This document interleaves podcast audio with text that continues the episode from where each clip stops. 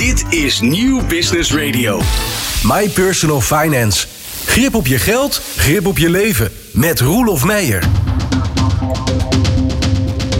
Wat is uh, belangrijk voor je persoonlijke financiën in de komende maanden? Hoe kun je voorkomen dat je te veel betaalt voor je verzekeringen?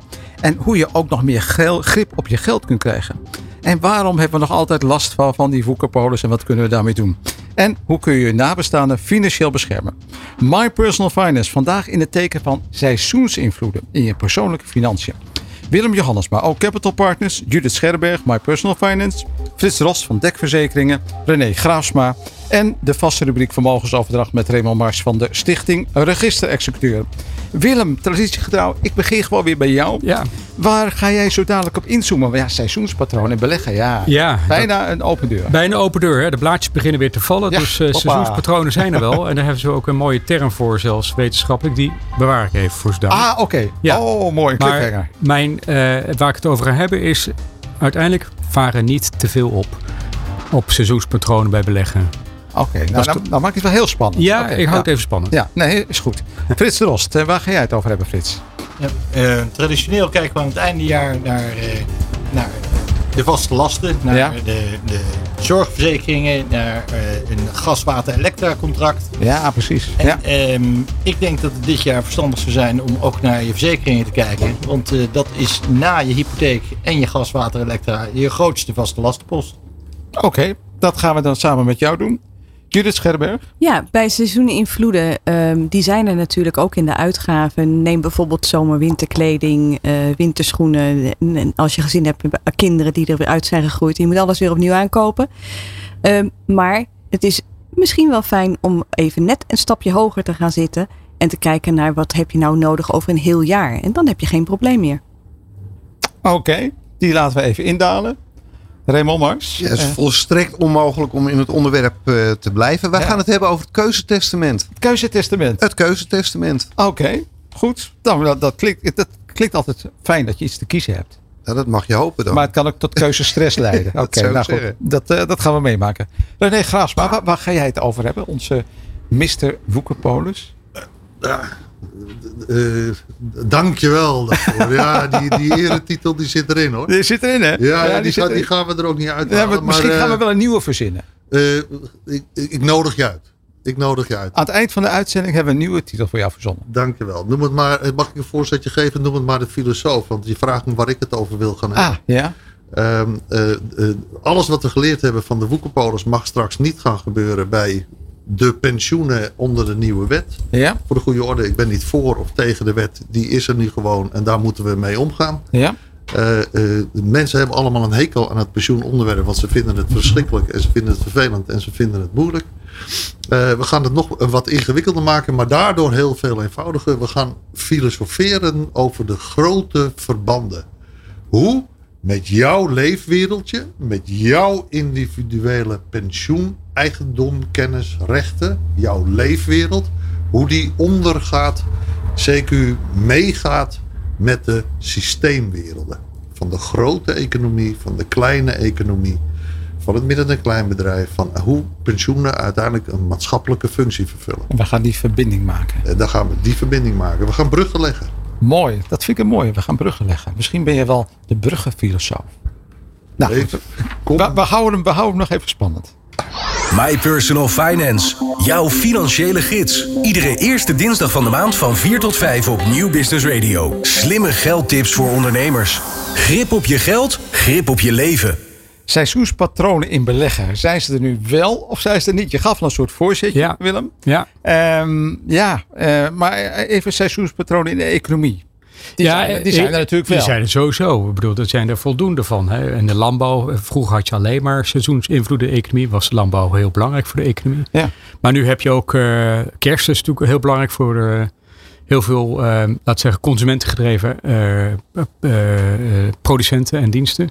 Um, we hebben ook uh, natuurlijk de zomer net achter de rug. In de september uh, ook, was nog een mooie maand. Dus uh, was ook nog, zag je dat strandtent had ook nog een goede omzet.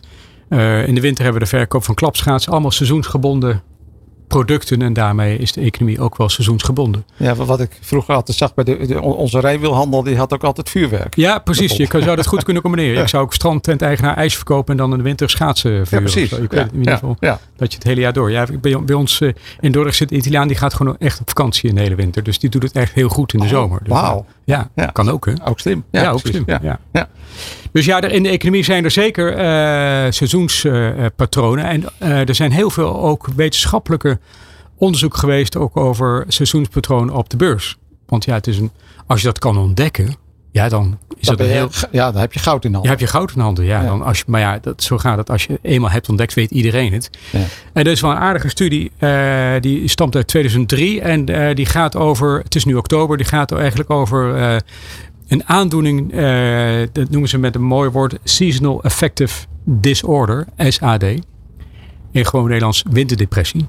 Winterdepressie? Ja. Ja. Oh. ja, dat is echt een aandoening die is, die is gewoon, uh, de, laat zeggen in de gezondheidszorg is die gewoon in ieder geval bekend. En uh, daar is een verband tussen de winterdepressie, dat geldt met name dan voor uh, met name de Europese landen, en de beurs. De vallende blaadjes die we nu dan krijgen. Maar de winterdepressie zorgt ervoor dat mensen zich een beetje, beetje, beetje, wat, wat beetje lamlendig. lamlendig voelen. Een beetje treurig voelen. En dan zijn ze minder bereid om risico's te nemen. En als je minder bereid bent om risico's te nemen, dan zie je allemaal de dingen wat minder positief in. En, dat, en dus wat, wat somberder in. En dat heeft ook zijn weerslag op de beurs. Want dus, dan heb je minder vraag ja, op de beurs of zo. Ja, nou ja, ja als, je, als, je, als je niet met een roze bril naar de beurs kijkt, maar met een beetje een zwarte bril, ja, dan ben je eerder geneigd op de verkoopknop te drukken. Precies. Bij het minst of geringste slechte nieuws. Ja. En dat, dat, is, dat zit er wel in. Dus oktober, hè, oktober 87 was slechte, echt een slechte maand. Oktober uh, 89 ook. Dus september, oktober zijn traditioneel de slechtste maanden van het jaar in beurs. En dat is toch wel. Ja. ja, ja, maar ik zou er niks mee doen.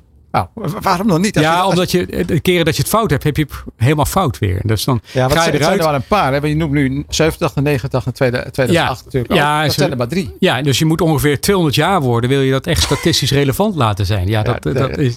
Kijk, en er is een soort, er is ook een beursuitdaging die ken je wel, Rudolf. Dat is sell in May and go away. And go away. But remember, remember come back in september. Ja, ja, ja wat kun je? En dan daarna september, oktober, dan zit je er weer vol in. Ja, dan heb je er heb je ook niks aan. Dus, nee, precies. Ja, dus, dan denk je, wat ik vroeg dan dacht van ja, in de vakantietijd, nou dan kopen mensen uh, ja. blijkbaar minder. Maar ja, je had op een gegeven moment ook een campingrally. Campingrally, ja, ja dat was uh, helemaal ja. makkelijk. Hè? Dan kon je gewoon op de camping zitten. Uh, achterover en dan, je werd uh, slapendrijk. Biertje opentrekken en je werd slapendrijk. Ja. Nee, dat, en we hebben de eindejaarsrally, we hebben de nieuwjaarsrally. en dat wordt de eindejaarsrally van ja, dan moeten de, de boeken nog, laten zeggen, wat, wat mooi gemaakt worden. Nieuwjaarsrally is er heel veel geld opgepot, zeggen ze dan. In, dat komt dan beschikbaar. Maar het had er ook met fiscaliteit of zo in ja, te maken. Ja, maar goed, achteraf zijn er allemaal verklaringen voor. Ja. Maar dat, dat is toch, dat, statistisch gezien zou ik zeggen, vaar er maar niet op. Dat is toch te lastig. En ik zou eerder, uh, laat zeggen, vertrouwen op de wisdom of the crowd.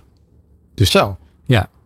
Kijk, wij met z'n allen. Ja, denk je, denk je nou werkelijk dat jij als individu het slimmer weet dan al die miljoenen andere deelnemers op de beurs? Dat is best lastig hoor. Ja.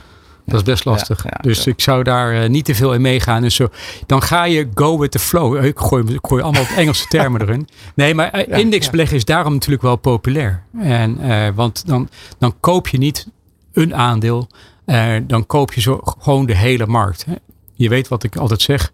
Ga niet op zoek naar die speld. Precies. Maar koop die hele hooiberg. hooiberg. Ja, ja. ja, ja. En ik dat vind, is veel beter. Ik vind het ook wel mooi, want wat jij zei van dat uh, selling mee. Hebben dat de oude adagium. Ja. Dat, dat geeft dus ook aan dat je een tijdje niet in de beurs bent. Maar ja. je hebt ook al heel vaak gezegd dan. Eigenlijk moet je gewoon constant belegd zijn. Nou, dat timing vernietigt echt uh, waarde. Ja. En het gaat niet om timing. Het gaat om time in de markt. In plaats van timing van de markt. Dus hoe langer je belegd bent. Uh, hoe beter het voor je is. Kijk, als je in staat bent om dat te kunnen, is het geweldig. Maar dat is consequent om dat te doen, is, lukt vrijwel niemand. Ook niet de beste beleggers ter wereld. En dus moet je daar niet naar streven. Want uh, je, als je het mis hebt. En ik heb, ja goed, we hebben net een nieuwsbrief erover uitgezonden. Uh, als je er van de 3000 plus dagen van de afgelopen 20 jaar in de S&P 500. Als je daar de 10 beste dagen van afhaalt de 10 beste dagen qua rendement van afhaalt, dus van die 3000 plus dagen dat er gehandeld is, dan halveert je jaarlijks rendement. Maar betekent 3000 dat ongeveer 10 jaar? Ja, ongeveer 10 jaar. Ongeveer, en ja. dan haal je dan 10 dagen Iets langer nog, ja. En dat halveert je rendement dan? Ja, dan halveert je. Dus de 10, en die 10 dagen die komen ook nog vaak nadat het heel slecht is gegaan. Dus nadat het sentiment echt heel slecht is en je echt geen moment denkt aan instappen. Ja, dan komt er in één keer toch een, een rally op de beurs van plus 10% op één dag. Ja, dat hebben we in uh, 2022 ook weer gezien in uh, november. Oktober, november. Ja, moet ik even denken. Maar in ieder geval, uh, dat, dat maakt je het hele jaarrendement op één dag ongeveer. Ja, dus, dus al die mensen zeggen, nou ja, ja, stap nu maar niet in, want het is niet gunstig. Nee, dat is het. Je moet, je moet echt, uh, ja, als je, de, als je het risico niet kan dragen, ga dan in een lager risico. Dat is het adagium. Ja. En als je het wel kan dragen, kijk er niet naar en stop het, zoals Warren Buffett zegt, stop het in de grond en laat het gewoon daar de komende tien jaar. Ja, dat, dat is wel een mooie. Ja. Maar goed, dat betekent dus uh, de seizoenspatronen. Nou goed, die zijn er, maar kun je, niet, kun je eigenlijk niks mee. Is heel leuk voor de wetenschap, maar voor ons uh, is, dat bijna, is dat niet op te handelen. Nee. Moet je niet doen. En, en de wisdom of the crowd is ook van, nou ja, de informatie is tegenwoordig zo wijd verspreid. Hè? Ja. Iedereen weet alles en uh, op mobieltjes, alles komt binnen. Ja. Dus ja, uh, waarom zou je zo arrogant zijn om te denken van, nou, ik weet dit als enige. Ja, ja nee, nu gaat de beurs dalen. Nu weet ik het ja, zeker. Ja, ik weet het zeker. Goh. Ja, ja. ja dat, en dat zien we dit jaar ook weer. Want dit jaar staan de beurs ook weer een behoorlijk in de plus. Maar ik denk dat heel, heel weinig mensen in, op 1 januari 2023 dachten dat het een goed beursjaar zou worden. En toch is het vooralsnog een goed beursjaar. Want mensen denken ook weer heel lineair korte termijn terug. Ja, hè? ja, en datgene wat het dichtst bij in je geheugen zit, dat werkt het meest door in je beslissingen. Dus ja, dan kun je moeilijk afstand nemen even van de materie. En dan zie je dat er. Kijk, er is een. Uh, er, heel veel nieuws is dan al in de koers verwerkt. En er is heel weinig uh, goed nieuws nodig om de beurs te laten stijgen. Ja, dus, dus eigenlijk ja, seizoenspatronen, timing, het, forget it. Geweldig leuk ja. om daar uh, van te weten. Ja. Borrelpraat. Ja, borrelpraat. Maar de wisdom of the crowd is... Blijf gewoon belegd en ga voor die lange termijn. Willem Johannesma, ook Capital Partners. My Personal Finance, jouw financiële gids. Iedere eerste dinsdag van de maand van 4 tot 5 op Nieuw Business Radio. Slimme geldtips voor ondernemers. Grip op je geld, grip op je leven. Zou jij voor anderen willen betalen als het gaat om verzekeren? Hoe zit het met claimgedrag van uh, verzekerden? En hoe kun je daartegen wapenen? Frits de Rost, jij bent van DEC Verzekeringen. Vorige maand was je ook al bij ons in de, in de uitzending. Nog eventjes kort een reminder. Wat is DEC ook alweer? D-E-C-K. En DEC is een, een, verzekeraar voor je particuliere verzekeringen. Dus je, je, je, je, je inboedel, je opstal, je maar je huis, hetgeen wat je in je huis hebt, je, je autoverzekering, je aansprakelijkheidsverzekering, je reisverzekering, dat soort uh, verzekeringen. En DEC is, uh, is eigenlijk in zoverre anders dat wij uh, werken met het oude adagium dat je alleen maar moet verzekeren wat je niet kunt betalen. En dat combineren we met een heel digitaal verhaal waarbij je heel makkelijk erin en eruit kunt. Oké, goed. Dus dat hebben we nu weer helder op het netvlies. Um, jij zei van nou, mensen die houden zich op een bepaald moment, want we hebben het over seizoensinvloeden vandaag. En we hebben er net eentje ontkracht gezien, maar misschien geldt er hier wel eentje. We hebben in het, in het najaar, en met name het eind van het jaar, dat er heel veel aan zorgverzekering wordt gedacht. Hoe is dat bij de verzekering waar jij over praat? Is daar ook een seizoenspatroon te herkennen? Ja, nou, veel minder. Het, uh, uh, het rare is dat aan het einde van het, uh, van het jaar kijken we naar onze, naar onze zorgverzekering. En dat ja. zit ook omdat dat altijd van jaar naar jaar loopt. Ja. We kijken ook vaak naar, naar gas, water, elektra. en het is ook typisch het moment dat we toch dat nog voor langere termijn wel of niet vastzetten. maar vrij weinig naar, naar verzekeringen en en andere financiële producten. Het leeft ook niet zo. Hè? Verzekeringen wordt, wordt door mensen vaak ook saai gevonden. Nou ja, maar, maar dat, en, en dat begrijp ik ook wel een beetje. Het is ook niet het meest spannende totdat er iets verkeerd gaat. Dan is het plotseling wel heel spannend. En dan uh, ben je wel heel blij als je goed verzekerd bent. En als je een uh, partij hebt die je ook daadwerkelijk helpt om uit die penarie te komen. Maar wat ik er wel eens tegenkom bij, bij verzekeren is dan, uh, dan heb je iets verzekerd en dan uh, wordt uh, zeg maar de dagwaarde uitgekeerd. En denk nou leuk en aardig, maar daar kan ik geen nieuw ding van kopen wat ik eigenlijk verzekerd heb. En, en ja, dat, dat, dat, Ja. ja. hoe kijk jij daar tegenaan? Nou ja, dat, dat, dat is eh, typisch het, eh, het thema van, eh, van het eigen risico waar we het vaak over hebben. Eh, je denkt dat je geen eigen risico hebt, maar als je de dagwaarde van een product hebt en je bent drie jaar verder, dan krijg je nog maar op zijn best een derde van je elektronische apparatuur. Ja. Terwijl je ver- wel een nieuwe zou moeten kopen. Niet, Ja. Daarmee kun je het niet vervangen. Dus je, je moet juist kijken naar de nieuwwaardes, die ook vaak eh, gedurende een aantal jaren gelden. Ehm, want dat is veel interessanter. En dan kan je dus veel beter een product hebben verzekerd tegen de nieuwwaarde met een eigen risico dan andersom. En dan is de, de handvraag: van, wat is, hoe, in hoeverre is dat slim? Is dat duurder, goedkoper? Hoe werkt dat? Dus ja, het, het hangt natuurlijk vanaf wat je verzekert en bij wie je dat verzekert. Maar kort door de bocht zie je dat een, een, eigen, een hoger eigen risico jou eh, een dermate ehm, kostenbesparing oplevert. Of een lagere premie moet ik eigenlijk zeggen. Dat je daarvoor ook die, nieuwwaarde kunt verzekeren. En vaak ben je dan ook nog goedkoper uit ook. Met andere woorden, als je dit, dit op deze manier dus slim verzekert, dan heb je door dat hogere risico, ja, dat kun je dan zelf be- bekostigen. Dat kun je zelf ook dragen. Maar wat je niet kunt dragen, dat wordt ook werkelijk dan vergoed. Dus je kunt dat nieuwe ding dan ook kopen met dat Ja. geld. Ja, en, en ehm, laten we ook eerlijk zijn. Van oorsprong is de, een verzekering daar ook niet voor bedoeld. Een verzekering is niet bedoeld om iets kleins wat je eh, even kwijtraakt. Om dat via een verzekeraar, via een eh, tussenpersoon en via een volmachtbedrijf. om dat geld weer terug te krijgen. De verzekeraar was bedoeld, oorspronkelijk ook ontstaan uit de, eh, de boerenomgeving. Draagt om- elkanders lasten. Hè? Juist, om als er iets ernstigs gebeurt, Ja. om dat met elkaar te dragen, omdat je dat als individu niet kon. Ja. ja. En, en eigenlijk ben jij weer back to basics daarmee. Hè? Ja, ja want wij, als je daarnaar gaat kijken, dan zie je dat dat rondpompen van geld, dat, is, dat maakt het eigenlijk alleen maar duurder. De enigen die daar beter van worden, zijn eh, vaak de verzekeraars zelf en de tussenpersonen die percentages van die premie verdienen. Je zegt rondpompen van geld. Wat, wat, wat bedoel je daar precies mee? Nou, je betaalt eigenlijk als je dus kijkt naar die, naar die, eh, naar die, kleine, ehm, die, die kleine schadeclaims. Hè, dus, eh, wat ik de vorige keer ook zei, iets van 100 euro claimen. Bij de tijd dat het uitgekeerd is, heeft het 250, 300 euro gekost. Ja. Ehm, daarmee, en nogmaals, dat betaalt de verzekeraar niet. De verzekeraar rekent dat rustig in. Dus het zonnebrilletje wat, je, wat elk jaar geclaimd wordt, dat wordt gewoon netjes ingerekend in de premie.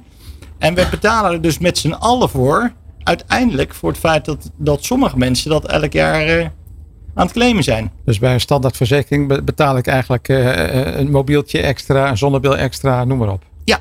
En eigenlijk zijn dus de verzekeraar wordt er niet slechter van. Degene die eh, het claimt wordt er niet slechter van. Maar de overige mensen die ze netjes gedragen wel. Ja, nou, eh, lekker dan. Dus, dus eh, als, je, als je dan gewoon daar op een normale manier wil, mee wilt omgaan, dan moet je dus eigenlijk een hoger risico accepteren ook. Ja, dus en, en, en nogmaals, voor de meeste mensen, mits je ook voor een buffer zorgt, want dat is dan wel, je moet wel het eigen risico kunnen betalen. Maar voor de meeste mensen geldt dat als je een buffer hebt en je hebt een hoger eigen risico, nogmaals, 70% van de claims zijn onder de 1000 euro en 90% van de aantallen fraudes zijn ook onder 1000 euro. Voor de meeste mensen geldt, als je een hoger eigen risico hebt en je be- berekent dat over een langere termijn, ben je altijd goedko- goedkoper uit. Ja, want de dingen die je niet hoeft te verzekeren, nou ja, daar hoef je ook niet voor te betalen. Dat, is- dat, hè? Eh, En dat is vrij logisch. Precies. Nog even over die seizoenspatronen. Eh, eind van het jaar is dan eh, dat mensen va- vaak naar een zorgverzekering kijken. Moeten we nou niet gewoon een maand introduceren om naar dit soort verzekeringen te kijken? Dat we één moment in het jaar pakken, bijvoorbeeld de maand oktober. Hè, we zitten nu in oktober. Nou ja, het, het, het lijkt, me, het lijkt me heel verstandig om, eh, om, om hier geregeld naar te kijken. Want anders gebeurt het niet. Hè? Want we zijn net, eh, het, het zit niet op het netvlies van mensen. Het wordt saai gevonden. Als, eh, als we nou een soort kappersoep moment introduceren voor de schadeverzekering. En dat is dan de oktobermaand. Ja, het lijkt me een uitstekend idee. Maar ehm, ik moet natuurlijk wel in alle eerlijkheid zeggen, ook bij onze klanten gebeurt dat niet zo heel snel. En dus ehm, wij draaien dat om. Dat, eh, op prolongatiedatum kijken wij automatisch voor onze klanten of we het pakket bij een andere risicodrager goedkoper kunnen neerzetten. Dus eigenlijk zou je zo'n omslagmoment moeten pakken op eh, prolongatiedatum, maar niet tussendoor. Dat- zo hebben wij het ingericht. Maar Ja. er zijn ook andere eh, methodes. En het, ik vind het ook een uitstekend idee als mensen er zelf naar kijken. Ja. Maar goed, laat iedereen eens even bij zijn eigen polis gaan kijken van wat is er nou werkelijk verzekerd en wat betaal ik ervoor. Ja, en vooral ook kijk ook naar, naar welke verzekeringen je allemaal hebt. Of het bedrag wat je er aan premie voor betaalt, of dat wel ehm, opweegt tegen de dekking die je daarvoor krijgt. Ehm, en dan noem ik er eens een paar willekeurige. Een telefoonverzekering. Is dat de moeite waard? Ehm, het afkopen van het eigen risico van een huurauto, wat vaak de duurste verzekering op aarde is. Een tandartsdekking, terwijl je nauwelijks meer kunt claimen dan wat je aan premie betaalt. Een fysiodekking, idem dito. Dierenverzekeringen. Ehm, ja, ik vraag me af of dat iets is wat je nodig hebt. Of dat inderdaad een risico is die je zelf niet kunt betalen. Laten we die vraag eens even laten eh, rusten bij onze luisteraar. Lijkt me een hele goede, mooie payoff. Frits Rost, dekverzekeringen. My Personal Finance. Grip op je geld, grip op je leven. Met Roelof Meijer. Ja, heel veel zaken die met financiële planning te maken hebben, als we over beleggen hebben of over verzekeren. Eh, Judith Scherberg, ehm, seizoenspatronen in financiële planning. Zijn die er überhaupt? Dan zeg je natuurlijk nee. Ja, je bent er. Ik werd bijna even uitgesloten, zeg. Nee, maar toen je nou ja zegt, was het op een afstand. Nu mag je volop eh, je, je uiten. Ehm, ik, natuurlijk zijn die er eh, in, in die zin dat er gebeuren dingen in mensenlevens die ook met seizoenen samenhangen. Ehm, maar als je kijkt naar de financiële planning zelf, daar probeer je het juist op een stap hoger neer te zetten. Om te voorkomen dat eh, de seizoensinvloeden een te grote impact hebben op het eh, financiële leven. Oké, dus, dus het adagium grip op je geld, grip op je leven. Dat komt hier eh, leven ze echt naar boven. Jazeker. De uitgavenkant, laten we daar eens even mee beginnen. Die is misschien wel het meest spannende. Ja, neem inderdaad kerst, die Willem net al noemde. Ja. Eh, hè, kerst is eh, eh, een dure periode. Mhm. Het is fijn als je daarvoor wat geld opzij zet. En dat moet je misschien niet alleen in december doen. Eh, Behalve als je toevallig ook in die maand de dertiende maand krijgt. Dan kan het misschien allemaal net. Maar dat geldt ook niet voor iedereen. Ehm, hè, de vakantieperiode, die is vaak duur. Ehm, als kinderen een nieuw seizoen ingaan ehm, en ze zijn weer overal uitgegroeid. Eh, hey, natuurlijk heb je daarmee te maken. maar Opleidingen die beginnen voor kinderen. opleidingen, collegegelden, eh, dat soort zaken. Ja, absoluut. Maar ja, je gaat uiteindelijk in de financiële plan- planning kijken. Hoe verdeel je nou het geld over het hele jaar? En wat is nou het budget voor het hele jaar? En hoe zorg je dan dat je die dingen die bijzonder zijn, eh, zoals bijvoorbeeld het collegegeld, wat natuurlijk echt wel een hele hap geld is, dat je dat kunt betalen. En ehm, als je een financiële planning hebt en als je de intake doet bij een klant, dan vraag je daar ook naar van wat, wat voor uitgaven verwacht jij nou de komende tijd? En hoe ver zullen we dat uitsplitsen? En je hebt mensen die eh, heel goed weten, die hebben zelf hun Excelletje gemaakt en die weten precies wat ze uitgeven. En die hebben op dat punt dan niet zoveel begeleiding nodig, maar meer van hè, hoe kom ik aan, op lange termijn aan voldoende inkomen om mijn wensen in te vullen.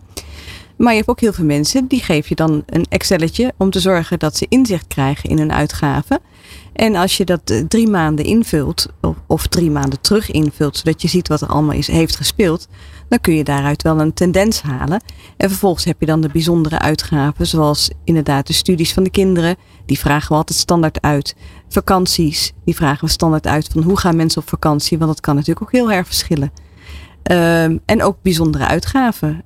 Eh, die mensen kunnen gaan doen of willen gaan doen. En hoe gaan ze dat dan organiseren in samenhang met de overige wensen die ze hebben. Of gewoon het leven zoals ze dat willen leven.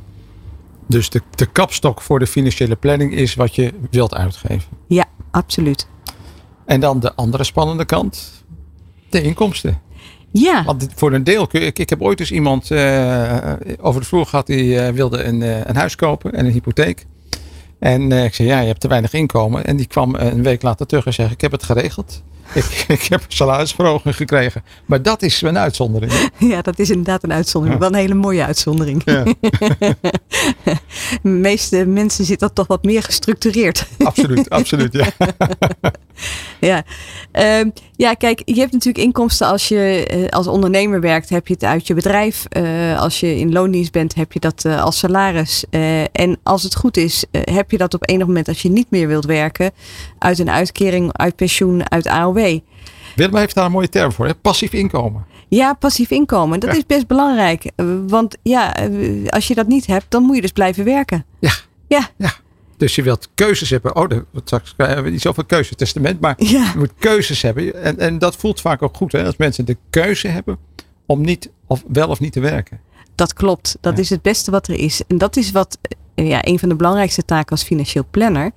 Dat je eh, de stress over de onzekerheid, de financiële onzekerheid weghaalt bij die klant. En dat is zowel op korte termijn als op lange termijn. En dan is de hamvraag. Oké, dat, dat zeg je wel heel mooi. Maar hoe help je daar als financieel planner dan bij? Inzicht, inzicht, inzicht.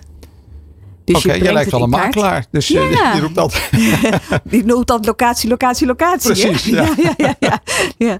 inzicht, inzicht, inzicht. Ja, ehm, want eh, eh, met onze software zorgen we ervoor dat we alle informatie die we krijgen over de inkomsten en de uitgaven, eh, dat we die kunnen uitplotten naar de toekomst toe. En dan kunnen we vervolgens ook kijken wat dan de beste oplossingen zijn om bepaalde vraagstukken op te lossen. Bijvoorbeeld, moet ik wel of niet mijn huis gaan aflossen, mijn hypotheek gaan aflossen? Ehm, en moet ik wel of niet nog een extra lijfrente doen of een extra pensioen investeren? Eh, wat moet ik met mijn beleggingen doen? Eh, Dat zorg je allemaal dat dat met elkaar in verband staat. En dan kun je dus ook inzicht geven van kijk, als jij dit uitgeeft per jaar, dan betekent dat dat op dat moment je geld op is. Wil je dan nog steeds dat geld uitgeven? Het mag, maar dat betekent dat je dan het huis wil verko- moet verkopen als je je inkomsten op peil wilt houden. De consequenties van keuzes. Juist. En die kan je fantastisch inzichtelijk maken.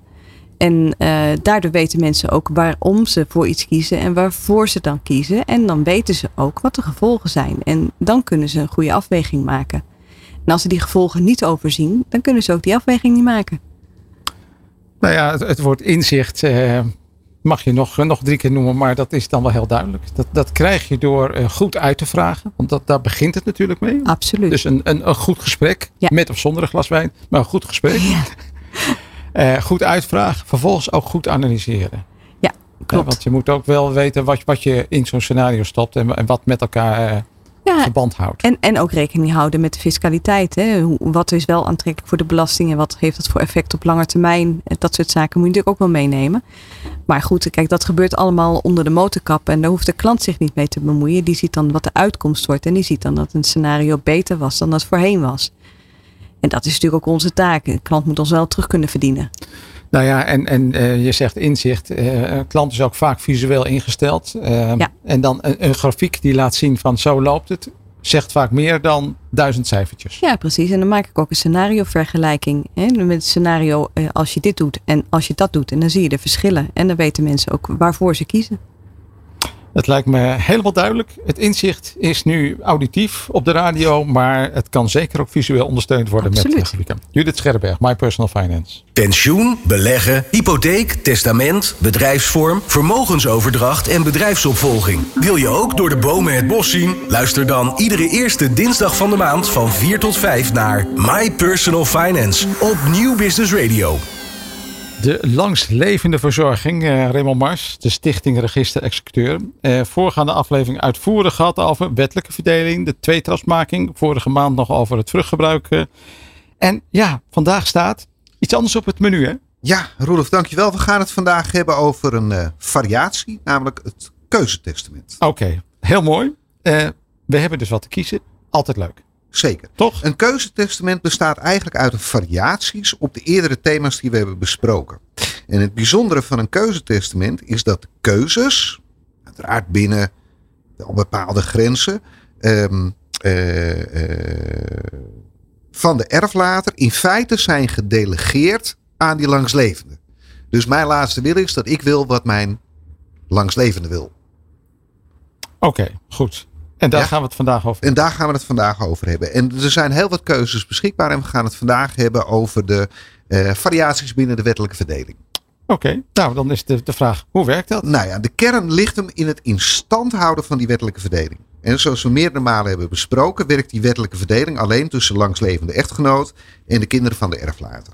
Alle goederen gaan over op die langslevende, die is daarmee overbedeeld. De kinderen verkrijgen een vordering in geld de grootte van een erfdeel. En die vordering die is pas opeisbaar na het overlijden van die langslevende. Dus die langslevende zal wel erfgenaam moeten zijn. En de meest gebruikelijke variant die je tegenkomt, dat is dat we de echtgenoot voor 1% erfgenamen maken en de kinderen gezamenlijk voor de resterende 99%. Nou ja, dat, dat komt bij mij over als, alsof het weer onterving is van de langslevende. Nou ja, dat zou je zeggen, maar die wettelijke verdeling blijft hiermee wel in stand. Die schuldvorderingverhouding, die, die hou je hiermee wel Ja. vast. Ja. Dus de kinderen hebben ook, al hebben ze gezamenlijk een erfdeel van, van 99%, een vordering op de langslevende ter grootte van 99% van die nalatenschap. Nou, de volgende stap die je daarin gaat creëren, dat is dat die langslevende de bevoegdheid is toegekend in het testament om zich een legaat toe te kennen. Oké, dat is weer een vakterm. Een legaat. Help de luisteraars Nou ja, even. een legaat is een cadeautje uit de nalatenschap. Oh, dat is ten, mooi woord, cadeau. ja, ten, ten laste van die Oh, nalatenschap. dat is weer minder. Nou ja, Heb je een voorbeeld? ja, absoluut. Kijk, uiteraard. Een nalatenschap die bestaat uit bezittingen en schulden van de erflater. Ja. Stel dat het saldo, exclusief legaten, bijvoorbeeld 400.000 euro bedraagt. En een legaat is toegekend van 100.000 euro.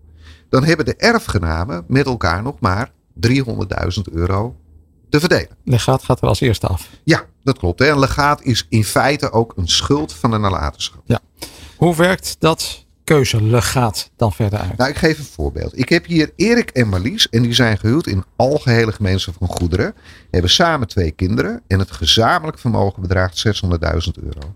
Er zijn geen schulden. Erik overlijdt en de nalatenschap van Erik bedraagt 300.000 euro. Marlies verkrijgt alle goederen. Het erfdeel van Marlies bedraagt 1% en dat van de kinderen gezamenlijk 99%. De overbedelingsvorming van de kinderen bedraagt dus 297.000 euro. Dat is pas op eisbaar na het overlijden van Marlies. En de zelfstandige verkrijging van Marlies 3000 euro. 1% 99.000. Of 1% Van drie ton. 99 procent. Ja. Ja. Nou, uitgaande van een vrijstelling voor de erfbelasting van Marlies van bijna 700.000 euro, hè, is fors, en van elk kind 23.000 euro, zie je dat de vrijstelling van Marlies grotendeels onbenut blijft. En die van ieder kind ruimschoots wordt overschreden. Nou, dat wordt anders op het moment dat Marlies zichzelf een legaat gaat toekennen.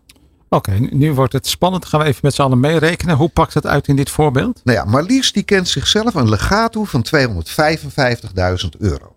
Mhm. De nalatenschap die wordt verdeeld onder de erfgenamen verkleint daarmee tot 45.000 euro. Marlies verkrijgt als erfgenaam 450 euro. Maar als legataris 255.000 euro. Dus als ik dat bij elkaar tel, 255.450 euro. Nog ruim binnen die vrijstelling van 7 ton. Die twee kinderen die verkrijgen elk 22.275 euro. En die blijven daarmee ook onder hun vrijstelling. Dus bij het eerste overlijden is hier de erfbelasting nul. Oké, dat is een mooi streven. Maar zoals je altijd zegt, die prachtige uitspraak. Ik her, herhaal hem nog maar eens even. Rennen voor de fiscus is zwemmen in een zee met haaien.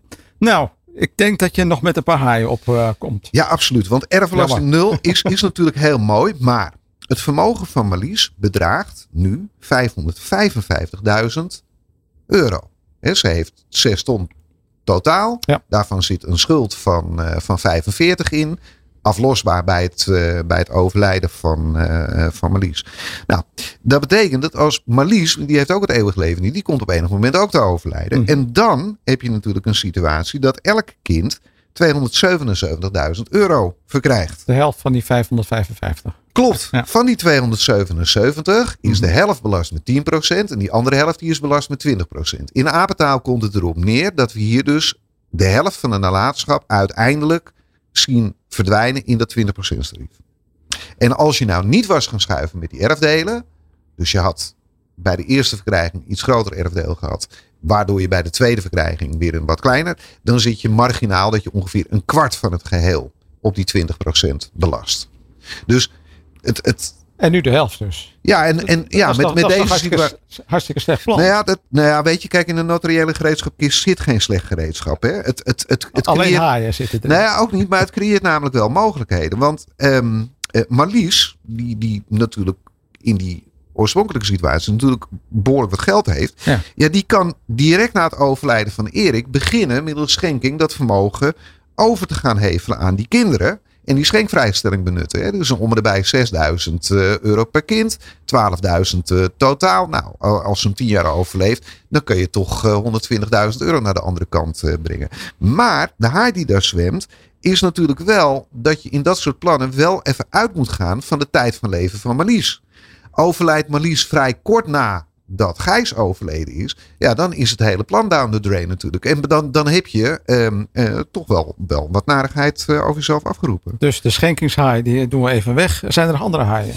Ja, want weet je, kijk, het hele punt is. En, en dat vind ik toch eigenlijk wel vaak de, de, de, de, de, de, de belangrijkste. Ik vind dat je altijd hier moet redeneren van het vermogensrecht naar eh, het fiscale recht. En, en hier gaat het over het vermogensrecht. Want met die keuzemogelijkheid heeft Erik de regie over die verdeling wel uit handen gegeven aan Marlies.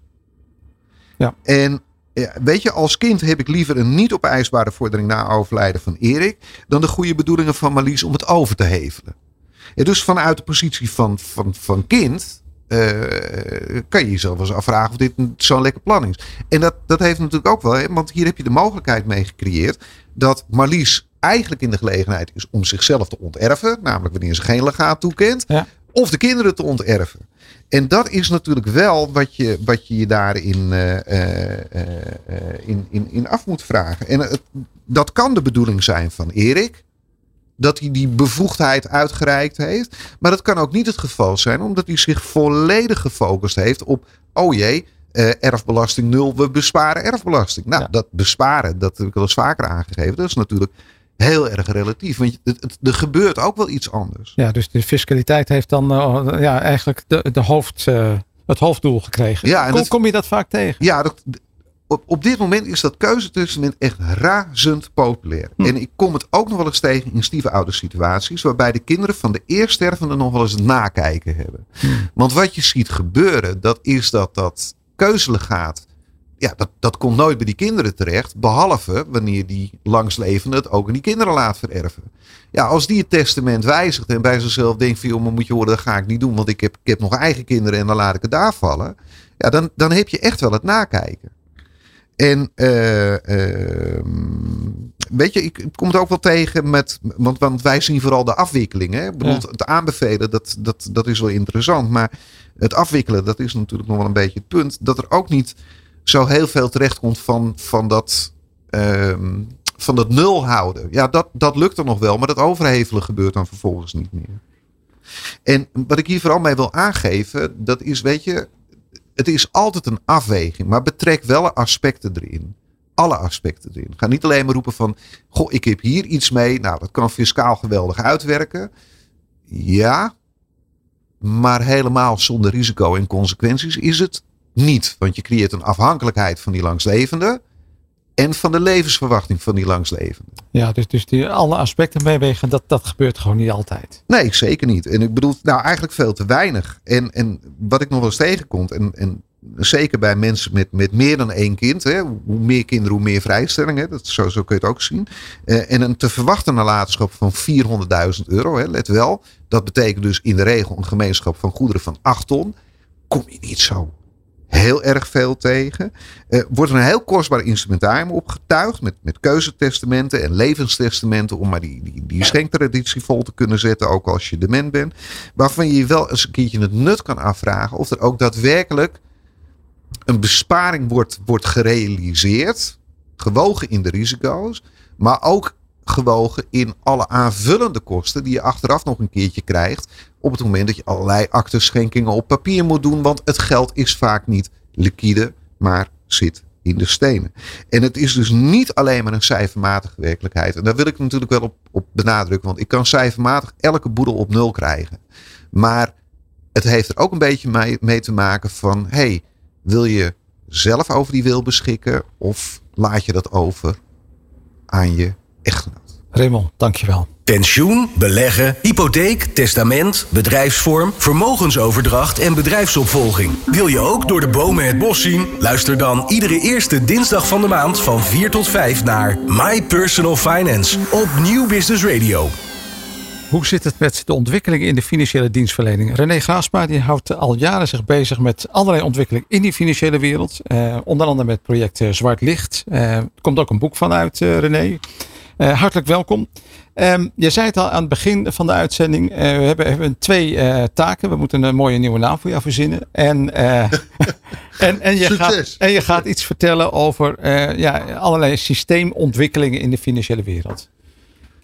Ja, eh, eh, eh, eigenlijk wil ik een soort experiment met mezelf aangaan nu. Oké, wij mogen meedoen. En jullie, ja, je, wordt er zeker toe uitgenodigd Oké. bij deze. Oké, kom op. Kijk, als we het hebben over pensioen, dan, eh, dan hebben we het al snel over UPO's. Hè? Dus een universeel pensioenoverzicht. Ja, ja. Een getallenblaadje waaruit blijkt hoeveel pensioen je krijgt. In de voorbijgaande jaren waren eindloonsystemen, middelloonsystemen, dergelijke. Die waren allemaal eh, de standaard. Dus je wist min of meer zeker, dit en dit krijg ik eh, als pensioen.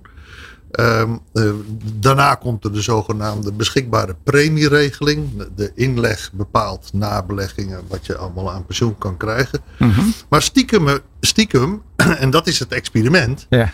ehm, wat ik hier nu gewoon vrijblijvend begin, eh, zit daar een, eh, zelfs een levensfilosofie achter. En een maatschappijvisie. Pensioen is niet zomaar een los bericht van eh, een UPO'tje, een universeel pensioenoverzicht met wat cijfertjes. Dit is wat je aan pensioen krijgt. Nee, het is ook een uitgangspunt van hoe je over je eigen leven, over het leven van je naaste, over het leven van je kinderen als je die mag krijgen, over wat jij met jezelf doet als je een beetje ziek wordt of nog erger, vreselijk ziek. Dat is in feite een levensvisie. En dus zomaar even een berekening maken van hé, hey, dit is een voor mij goed pensioen, want ik ga straks met een eindloonsysteem 70% van mijn laatst verdiende salaris hebben. En als ik dat niet heb, dan heb ik dus een pensioentekort. Dat is een, eigenlijk een rare redenering. Als ik nou naar mezelf kijk, eh, ik schijn eh, eh, wel enige afwijkingen te hebben. Maar ik, moet voor, ik, ben, ik, ik weet so- volgens sommigen heel veel van pensioen. Maar ik moet er niet aan denken om pensioen op te bouwen. Ik, ik heb een aantal berekeningen gemaakt voor mensen ooit. En daar, daar zat inderdaad zo- zo'n verhaal bij van 70% van de laatst verdiende salaris. En dat was niet genoeg. Want die ene eh, persoon had andere wensen. Die wilde netto meer besteden. En ik heb iemand meegemaakt die berekend 50% had. Dus eigenlijk een pensioentekort. Die er keurig van rond kan komen. Dus ik wilde maar even in de strijd gooien. Netto, wat je netto wilt besteden is misschien nog wel belangrijker voor je pensioen dan wat je aan pensioen hebt opgebouwd. Ja, en, en net zoals van, het is, eh, eh, mijn ideaal is dat ik op mijn vijftigste met pensioen kan. En dus tot mijn vijftigste werk ik met helemaal het schompers. Ja. Ik trap alle energie uit mijn, mijn benen, mijn, mijn hoofd. Eh, ik maak relatiestuk waar iedereen bij staat. Want ik zal maar erin slagen om op mijn vijf... Nou ja, laat het dan 55 mogen worden. Maar dan wil ik toch echt wel stoppen met werken. Ja. En ze branden zichzelf helemaal af misschien. Ik, ik ken een bakker die letterlijk eh, tot zijn 55 heeft gewerkt. Toen kon hij stoppen. Een dag later was hij dood. Ja, en zo ken ik er nog heel wat meer. Ja. En eh, dus, dus als je het over pensioenen hebt en als je dus dat als eh, eh, thema voor jezelf opneemt, en dat is de invalshoek waar ik mee wil experimenteren, Ja. dan is het systeem waar jij onderdeel van uitmaakt eigenlijk net zo goed een heel belangrijk onderwerp. Dus En wat is dan dat systeem? Is dat dat, dat 70% eh, Ja, denken? Dat, dat is eh, eh, bijvoorbeeld als je bij een bedrijfstakpensioenfonds zit, dan lig je aan de gouden ketting en dan heb je weinig keuze. Ja. En dan wordt er door jou, voor jou, door werkgevers en werknemersorganisaties, wordt bepaald wat jij aan pensioen moet opbouwen. Eh, als jij kijkt naar de hele andere kant, de onderkant, dan is het systeem jouw persoonlijke relatie met je vriendin, vriend. Tegenwoordig moet je daar allerlei andere termen bij bedenken. Eh, Je dierbare, zullen we zeggen. eh, je hebt de oplossing gevonden. Dus eh, voor de dierbaren en degene die, die na ook voor jou komen. Uh, en daar kun je dat soort beslissingen in nemen. Dit is voor mij genoeg. En ik hoef niet zo hard of ik wil juist meer uh, of iets anders. En als ik naar mezelf kijk, laat mij alsjeblieft als Tommy Cooper op het toneel uh, afscheid van het leven nemen. En in ieder geval geen, levens, geen leidensweg aan het eind hebben. Als je het hebt over seizoenen. Ja, je wordt als een prachtig uh, uh, tabula rasaatje, een wit blad, word je geboren als kind. En je groeit op en dat is je lente. En dan komt die zomer eraan en dan werk je met al je krachten en al je talenten en weet veel meer werk je eraan. En wat mij betreft mag die herfst heel lang duren. En ik hoop het met één eh, winternacht af te ronden. dus uh, ja, dan we korten die seizoenen gewoon een beetje in. Of we maken het wat langer. Uh, ja, laat mij maar tot op, laat mij maar op mijn tachtigste nog een boek schrijven of zo. Of lesgeven of iets anders. Nou, en op die manier denk ik dat je ook over pensioen kan denken. En dat kun je eigenlijk makkelijk bij de mensen introduceren. En dat vind ik, uh, als je kijkt naar de maatschappelijke ontwikkelingen en over hoe er over pensioen wordt nagedacht. Weet je, ze schrijven een wet loonbelasting. Dan heb je een artikeltje, nou, toen, toen, uh, artikel 11 of zo, en daar wordt loon in gedefinieerd. En dan vervolgens wordt er iets over loon gesteld via een omgesteld. En dan wordt er gezegd, het is een omkeerregel. Uh, de, de uitkeringen zijn belast en de investeringen zijn onbelast. En dan is het pensioen. Ja, dus met andere woorden, pensioen is bottom line niks anders dan uitgesteld salaris. Als je dan kijkt naar de maatschappelijke visie op pensioenen, wat de politiek mee gebeurt. Ja, we zien of je daar. tegenwoordig wordt alles in, in, in, links en rechts onderverdeeld. Dus ik weet niet of dit een linkse of een rechtse of een middendoor of een. Uh, wat voor uitspraak dan ook is. Uh, uh, dan, dan worden er met pensioenrechten veranderingen toegepast. En als je dan tegen iemand zegt, ja, ja, ik heb daar toch geen grip op, dus ik doe er maar niks mee. Of ik bemoei me ermee, of ik denk er niet over na. Maar als je dan tegelijkertijd zegt, realiseer je wel dat als nu iemand op dit moment 10% van je salaris zou afhalen, wat zou je dan doen? Ja. Dat is, eh, dus daar zit een heel psychologisch systeem achter. Uh, wat uiteindelijk uh, in zijn effecten heel veel effecten heeft op jouw leefwereld. Want waar is het pensioen? Waar is werken? Waar is gewoon simpel zijn nou eigenlijk voor bedoeld? En waar kan pensioen aan bijdragen? Dat je een beetje gelukkiger van het ene jaartje naar het andere jaartje komt. En uh, dat je. Uh, moet, moet, je iets aan je systeem veranderen? Of zou je een ander systeem kunnen kiezen? Nou, dat is misschien wel een van de voordelen. Zo kun je het uitleggen. Van, het nieuwe, uh, van, van de nieuwe pensioenwetten. Mhm. Omdat daar meer, zo wordt het beoogd, meer individuele vrijheid in zit. Maar zorg er dan ook voor dat je die individuele vrijheid dan ook zelf kunt begrijpen. Dus dat je kunt rekenen, dat je geen kosten laat uitdrukken in percentages, maar in euro's. Dat je uh, uh, de bewaarplicht van pensioenuitvoerders goed gaat inzien. Die is maar zeven jaar. Terwijl pensioen wordt opgebouwd over 30 jaar. Wat is er met mijn eerste premies gebeurd? Wat is er met dat gebeurd? Ja, het is zeer de moeite waard om daar een goede onderzoeker in te zijn. En dat hoeft helemaal niet zo van ik word per definitie bestolen, want dat is een negatieve levenshouding, houden we niet van. Maar het is wel zo dat je je bepaalde vaardigheden kunt eigen maken om uiteindelijk naar je leven van jezelf, de kwaliteit van je leven, op enig moment gedurende de lente, de zomer, de herfst en de winter, uh, uh, dat je daarover kan nadenken en uh, dat je dat niet alleen maar uitdrukt in de resultaten van een Excel-blad. Maar je klinkt bijna als een financieel planner, René. Ja, maar die naam, dat ga je toch niet toevoegen? Nee, nee, ik, ik, ik had voor jou iets bedacht, maar ik weet niet of je daar gelukkig van wordt. Een systeemvisionair. Oh, kunnen we afsluiten? nou, ik begrijp dat dit niet in goede aarde is. Jawel, jawel, juist wel. Oh. Ja, nee, die, als je op je mak zit, dan moet je stoppen, toch? Dit is, uh, dankjewel. Ik vind het een compliment. Oké, okay, goed. Dankjewel. Ja. René Graasma, onze systeemvisionair. Pensioen, beleggen, hypotheek, testament, bedrijfsvorm, vermogensoverdracht en bedrijfsopvolging. Wil je ook door de bomen het bos zien? Luister dan iedere eerste dinsdag van de maand van 4 tot 5 naar My Personal Finance op Nieuw Business Radio. Ja, het gaat snel. We hebben de seizoenspatronen bedacht eh, en besproken. We hebben het over eh, lente, herfst, zomer en winter gehad. En dan denk ik nog wel eens van, goh, misschien heb ik wel zeven levens. Want eh, af en toe voel ik me in de herfst en dan weer in de lente. En dan weer, dat, dat gaat alle kanten op. Maar goed, dat even voor wat het is. We zijn het einde gekomen van deze uitzending. We gaan wat uitsmijters doen, wat tips. Willem, ik begin traditiegetrouw bij jou. Bij mij, de tip. Eh, ja, seizoenen, eh, patronen op de beurs. Ze zijn er vast wel voor de eh, onderzoeker, maar vaar er niet op. Ga gewoon voor lange termijn en eh, probeer dat allemaal als ruis te zien. Oké, dankjewel. Ik ga naar Frits. Frits, heb jij een mooie tip voor ons? Ja, als we toch einde van het jaar al onze verzekeringen bekijken, bekijk dan ook die eh, verzekeringen voor bij je thuis. En daar het eigen risico wat je erin hebt. En ook wat je wel en wat je niet nodig hebt. En voeg de besparing lekker toe aan je buffer. Lijkt me heel goed. Judith Scherrenberg. Zorg voor inzicht in je financiële situatie over een heel jaar. En als je buffer goed gevuld is, spaar dan de rest voor later. Mooi, dankjewel.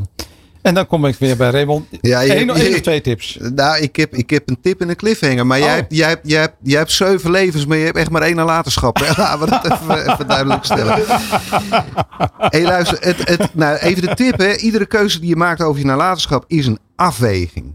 Dus echt een afweging. En die moet je niet alleen cijfermatig maken, maar je moet ook kijken naar je bedoelingen. En aan mijn cliffhanger. Dat is van, we hadden het net over die keuzetestamenten, hè, waarmee je de keuzes eigenlijk delegeert aan je langstlevende. En de vraag die ik aan mensen wel eens stel, is, zeg, zou je huwelijksvoorwaarden ook zo inrichten? En dat is de cliffhanger. Ik zeg niks. Dankjewel.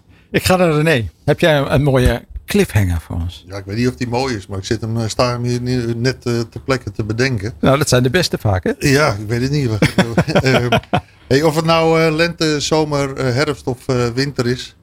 Ehm, eh, je kan er heel ingewikkeld over doen. Pensioen is uitgesteld salaris. Dus eh, uiteindelijk draait het om de dag van vandaag. Regel het zodanig allemaal dat je in ieder geval tegen jezelf kunt zeggen aan het einde van de dag. Ik heb er weer één geplukt. Wauw, dankjewel. Die is heel mooi. Dankjewel René. Ik dank eh, al mijn gasten. Willem Johannesma van Ook Capital Partners. Frits Drost, Dek Verzekeringen. Judith Scherberg, My Personal Finance. Raymond Mars van de Stichting Register Executeur. En René Graasma, onze systeemvisionair. Mijn tip voor jou als ondernemer. Grip op je geld. Begin met inzicht in je bezittingen en je schulden. Je inkomsten en je uitgaven. Pas als je weet waar je staat, kun je bepalen hoe je je doel kunt eh, bereiken. Financiële planning is je navigatie van A naar B. My Personal Finance. Grip op je geld. Grip op je leven. My Personal Finance. Grip op je geld, grip op je leven. Met Roelof Meijer.